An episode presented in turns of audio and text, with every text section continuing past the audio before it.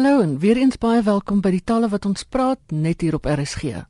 Ons saai uit op 100 tot 104 FM wêreldwyd by rsg.co.za en op die DStv audiokanaal 913.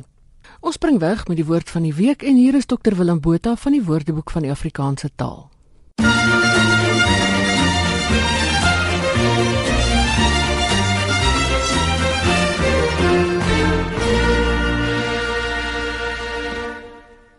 Vanoggend praat ons oor pruikmaker mooi en oor skoonma en die twee hou verband.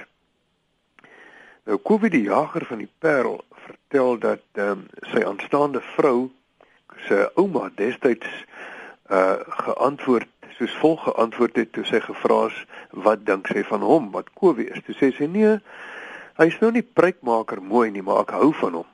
Nou dit is baie mooi beeldspraak.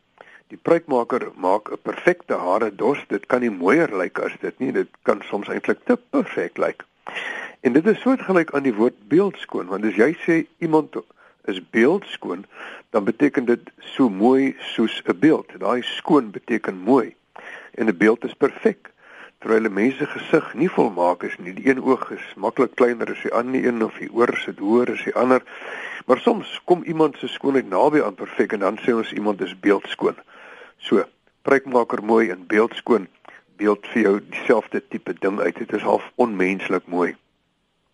Maar die skoon in beeldskoon hou natuurlik ook verband met die skoon in skoonma. Nou op op die eerste vlak beteken skoonma of skoonsuster in Afrikaans wat aan, aangetroud is. Jou skoonma is jou aangetroude ma, jou skoondogter is jou aangetroude dogter. En ons kry dit uit Nederlands. En interessant genoeg, die Nederlanders praat ook van skoonbroer waar ons van swaar praat. Nou, ehm um, ons het ook uh so 100 jaar gelede nog gepraat van skoonbroer, maar toe het ons begin om meer en meer te neig na swaar wat ons by die Duits gekry het. Maar daar's vandag nog mense wat in Afrikaans van skoonbroer praat. Nou die skoonma en skoonpa kry ons uh van Nederlands en uh Hulle het dit by die Franse geleen want die Franse praat van beau-père en belle-mère. Nou die beau word vir mans gebruik en die belle vir vrouens. So jy sal praat van beau-père, dit is skoonpa en belle-mère is skoonma. En belle en beau natuurlik in Frans is die manlike en die vroulike forme vir mooi. En die Nederlanders het dit toe nou met skoon vertaal skoonma en skoonpa. Dis dieselfde skoon wat jy kry in die skone kunste, beeldskoon, skoonheidskoninge, natuurskoon en so voorts. Maar die Franse praat ook uh van 'n bou en 'n bel uh as uh, in die gebruik in 'n selfstandige gebruik. Uh 'n man sal na sy meisie verwys as sy bel. Dit is sy skoonheid, sy meisie of die meisie sal verwys na haar kerel as haar bou, uh, haar skoonheid, haar kerel. En ehm um, dit kan wees dat hierdie betekenis ook eintlik oorgedra is in Nederlands. Dat belmer dan in Frans ook nog beteken dit my geliefde se ma. Bouper my geliefde se pa. En ehm um, dat dit ook die gedagte is van skoonma en skoonpa. Want mense vra altyd vir my hoekom is die ma die die aangetroude ma uh, dan nou mooier as jou eie ma maar ek dink dit kan meer verwys na die selfstandige naam word Anderswoorde dis my geliefde se ma of my geliefde se pa. Ek wil net sê dat Borgewoord uh die prystrekking het plaasgevind Saterdag. Daar is 'n konsert ter viering van die WAT se 90ste verjaarsdag en die wenners van die twee Sanlam-pryse van R25000 is Thomas West van Tennessee in die Verenigde State van Amerika en Nana van die kerk van Bethel. Nou Nana het het, het skitterend uh geborg want julle sal onthou ek het dit op die radio vertel uh, haar man antwoord die vraag hoe gaan dit nooit anders as met die woord skitterend? En sy het gevoel sy wil vir hom daarmee vereer. En um, Thomas West van Tennessee is 'n vertaler en daarom het hy die woord vertaler geborg. Nou borgewoord gaan voort en as jy nou deelneem kwalifiseer jy vir die prystrekking van 2017 so om deel te neem gaan na ons webtuiste by www www.wat.co.za of Google borgewoord of Woordeboek van die Afrikaanse taal en jy sal al die inligting daar kry.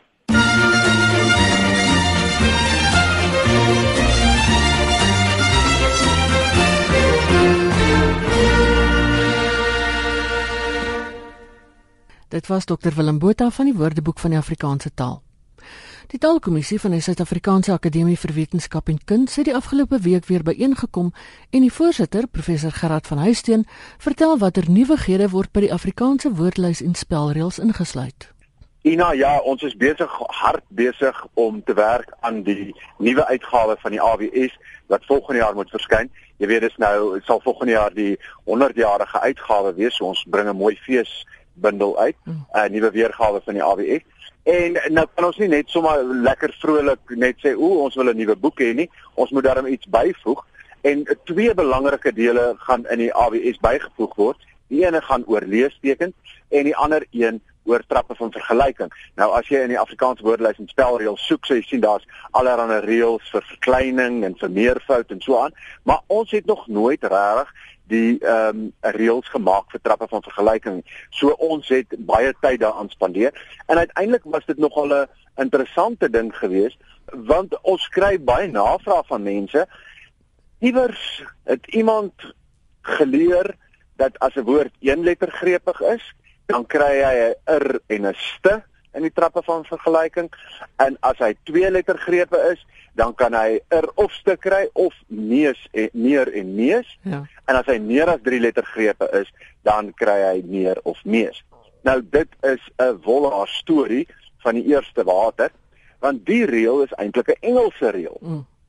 wat mense nou sommer goed goed moets op Afrikaans gaan toepas het in Afrikaans is die verstek eintlik om per en st daaraan vas te plak. Nou waar kom dit vandaan? My Latyn is nie so goed nie, maar dit het 'n Latynse uh oorsprong en dit is die vorm, daardie vorm wat eintlik die Germaanse roete gevolg het en dit is ook die mees gebruikelike vorm in die Germaanse tale is dus met er en met st. Waar kom die neus en die meer dan vandaan? Dit het ook so uit die Latyn uit 'n uh, 'n roete waar hulle ook met behulp van sulke woorde wat eintlik op 'n manier intensiewe forme was kon aandui van trappe van vergelyking en dit is eintlik weer meer in die Franse tradisie in opgeneem om die meer in die meeste te kry.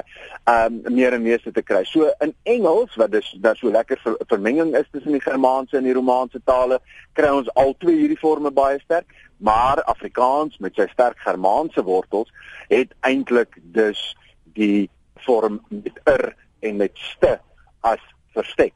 Nou as jy vraag natuurlik, so as jy twyfel, dan sit jy gewoon er en st aan en dan behoort jy reg te wees. En daar's twee belangrike uitsonderings waar dit nie so werk nie. Alle byvoeglike naamwoorde of bywoorde wat eindig op 'n e kry meer en neus. Mhm. So jy gaan nie sê opgewonde nir nie of opgewonde st nie. Jy gaan sê meer opgewonde en mees opgewonde. En aan die ander geval is dan by deelwoorde wat byvoorbeeld iets soos gekwalifiseer. Daar kan jy sê gekwalifiseerder en die hoogs gekwalifiseerdste persoon, maar jy kan ook sê die die een is meer gekwalifiseerd as daai een of uh mees gekwalifiseerde. En eintlik is dit dan nie so ingewikkeld in Afrikaans nie. So as uh solank as wat jy weet dat die verstek eintlik dis er en is. Nou die belangrikste ding om te onthou is dat al hoor ons dit baie in gesproke taal dat mense praat van o ek is meer uh dis meer interessanter as dit of dis die ja. mees interessantste ding wat ek ooit in my lewe gehoor het. Die uh is eintlik nog word nog nie eintlik beskou as 'n deel van standaard Afrikaans nie en as jy dis uh, skryf moet jy dus tog maar nog steeds daarteen waak. So dis so iets wat ons ook dis in die hoofstuk moes vasvat. Die voorbeeld van mees gewildste, dit kom so regstreeks uit die Engels uit nie waar nie the most popular. Ja, so die mees gewilde volg eintlik die Engelse patroon, ja. mees gewilde, uh, terwyl ons in Afrikaans sou sê die gewildste. Ja. Die fenomeen van die mees gewildste uh is regtige vermenging van so 'n dubbelop markering in in Afrikaans, jy weet. Uh dis natuurlik nie vreemd nie in Afrikaans het ons 'n klomp goed wat ons so dubbel merk, hmm. soos byvoorbeeld nie. Ons sê twee nuus uh twee keer en uh, ek dink mense wil baie keer sommer die trappe van vergelyking ook dan nou op hierdie manier verdubbel. So dis eintlik 'n interessante fenomeen uh wat om voordoen uh wat iemand dalk 'n bietjie navorsing oor kan doen. Wie het ook julle werk afgehandel by hierdie sitting oor leestekens. Wil jy bietjie daarop uitbrei asseblief? O, oh, ja, as ek in my lewe nog een keer 'n komma sien, gaan ek 'n bietjie binnensmonds opgooi, dink ek. Uh ons het die komma deur trap hierdie kant toe en daardie kant toe. Dit was uiteindelik die moeilikste leesteken van al die leestekens. Maar ons is nou deur 'n hele rits weergawe van die hoofstuk. Ons het dit aan kenners kenners gestuur. Ons het dit aan ander taalpraktisyns gestuur. Ons het dit oor en oor self in oënskou geneem en so aan. En uiteindelik by hierdie sitting het ons nou besluit tot hier toe en nie verder nie. Ons is nou tevrede met die uh, komma soos hy nou is en ook met die ander leestekens. So uh, ons is die hoofstuk is afgehandel en nou gaan ons dit ook uh, tot en met volgende jaar gaan ons dit by mense laat en vir hulle sê gebruik bietjie hierdie reëls en kyk of daar tog iets is wat ontbreek of tog iets is wat moet verander en so aan. So klaar ja, maar waarskynlik nie heeltemal klaar nie. Nou wat maak die komma so moeilik? Een van die redes is dat daar in Afrikaans uh nog nooit regtig verskriklik omvattende reëls neergelê is vir die gebruik van die komma nie. Mm. Uh ook nie vir die leesteken. Mm. Nou, die komma is ook natuurlik iets wat vir baie mense berus op sulke subjektiewe goed soos wanneer jy 'n pause hoor of nie 'n pause hoor nie en dan wil mense op al watter plekke se komma indruk of nie 'n komma indruk nie. Ja. En ons het dus juis probeer om in hierdie hoofstuk weg te doen met subjektiewe kriteria vir waar 'n komma moet inkom en waar hy nie moet inkom nie en jy's meer objektiewe goed gaan probeer vasmaak daarvoor. Uh en natuurlik is daar ook in Engels 'n ander gebruik van die komma, die sogenaamde Oxford komma, maar ook in ander forme waar die komma anders in Engels gebruik word as in Afrikaans en uh die invloed het ook natuurlik rol gespeel in Afrikaans. So ons moes ook gaan kyk van hoe lyk sake tans in Afrikaans uh in in die meeste van die Afrikaanse tekste en voorskrifte natuurlik van uitgewers en so aan om te kan sê right dit is hoe ons dink die komma in 2017 gebruik word. Julle besluit ook by elke sitting oor 'n klompie nuwe woorde wat in die woordelys opgeneem word. Wil jy 'n paar noem wat jy waarop jy hierdie keer besluit het? Ja, ons het helaas is dit nou ook soos wat mense nader kom aan die publikasiedatum, kry ons al minder en minder tyd om nuwe woorde by te voeg want daar is ander sake dis wat moet aandag kry soos daai die hoofstukke waarna oor waaroor ons nou gepraat het. Ja. Uh maar een van die mooi woorde wat ons nou opgeneem het is byvoorbeeld Sabela. Mm -hmm. En dit is 'n hoofletter S A B E L A wat 'n soort geheime taal is. Mm. En dan kry ons in sekere uh, streke van die land en so aan, ek dink dit is 'n woord wat uh, algemeen gebruik kan word uh dat Sabela dan as 'n werkwoord gebruik word. So as jy dan in so 'n geheime taal praat, dan is Sabela jy of jy het gesabela. Hmm. Ehm um, so dit is nogal 'n mooi ene. Snaaks genoeg woord soos nepotis het tot nou toe nog nie in die AWS gestaan nie. So ons het byvoorbeeld nepotis en sy meervoud nepotiste opgeneem. Flikvlak is 'n woord wat iemand onlangs op uh, Facebook vir ons gevra het, uh, hoe spel ons dit in Afrikaans? Nou uh daar's reëls wat sê jy moet dit sonder 'n koppelteken spel, spel moet jy dit met 'n koppelteken spel en so aan. So ons het flik vlak het ons opgeneem en dan die ander een was toksak. Mhm. Uh jy weet uh, wat eintlik dis ook 'n leenwoord uit Engels is vir 'n sportsak of 'n klere sak of so iets. Uh maar uit al die navorsing wat ons gedoen het, sien ons dat toksak en tokse byvoorbeeld vir rugby stewels al uh, algemene woorde is wat in Afrikaans gebruik word en daarom het ons ook besluit om hulle byvoorbeeld op te neem. Enigiets anders wat interessant of belangrik was?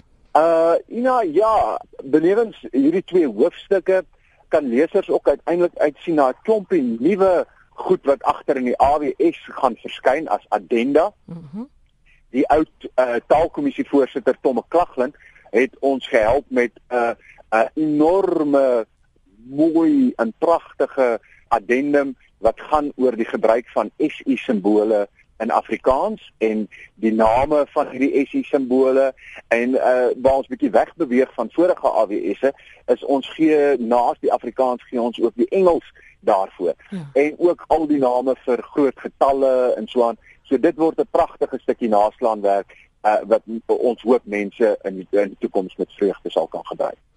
Ja, ek dink definitief dit gaan baie nuttig wees en ek sien persoonlik baie uit na die feesuitgawe. Ons sien net so uit daarna, you know, ek dink dit gaan 'n lekker boek wees. Dit was die voorsitter van die Taalkommissie, professor Gerard van Huisteen. En nou is dit tyd om te groet. As jy weer na die program wil luister, kan jy die potgooi aflaai by rsg.co.za of donderdagoggend 3uur na die herhaling luister in deernag.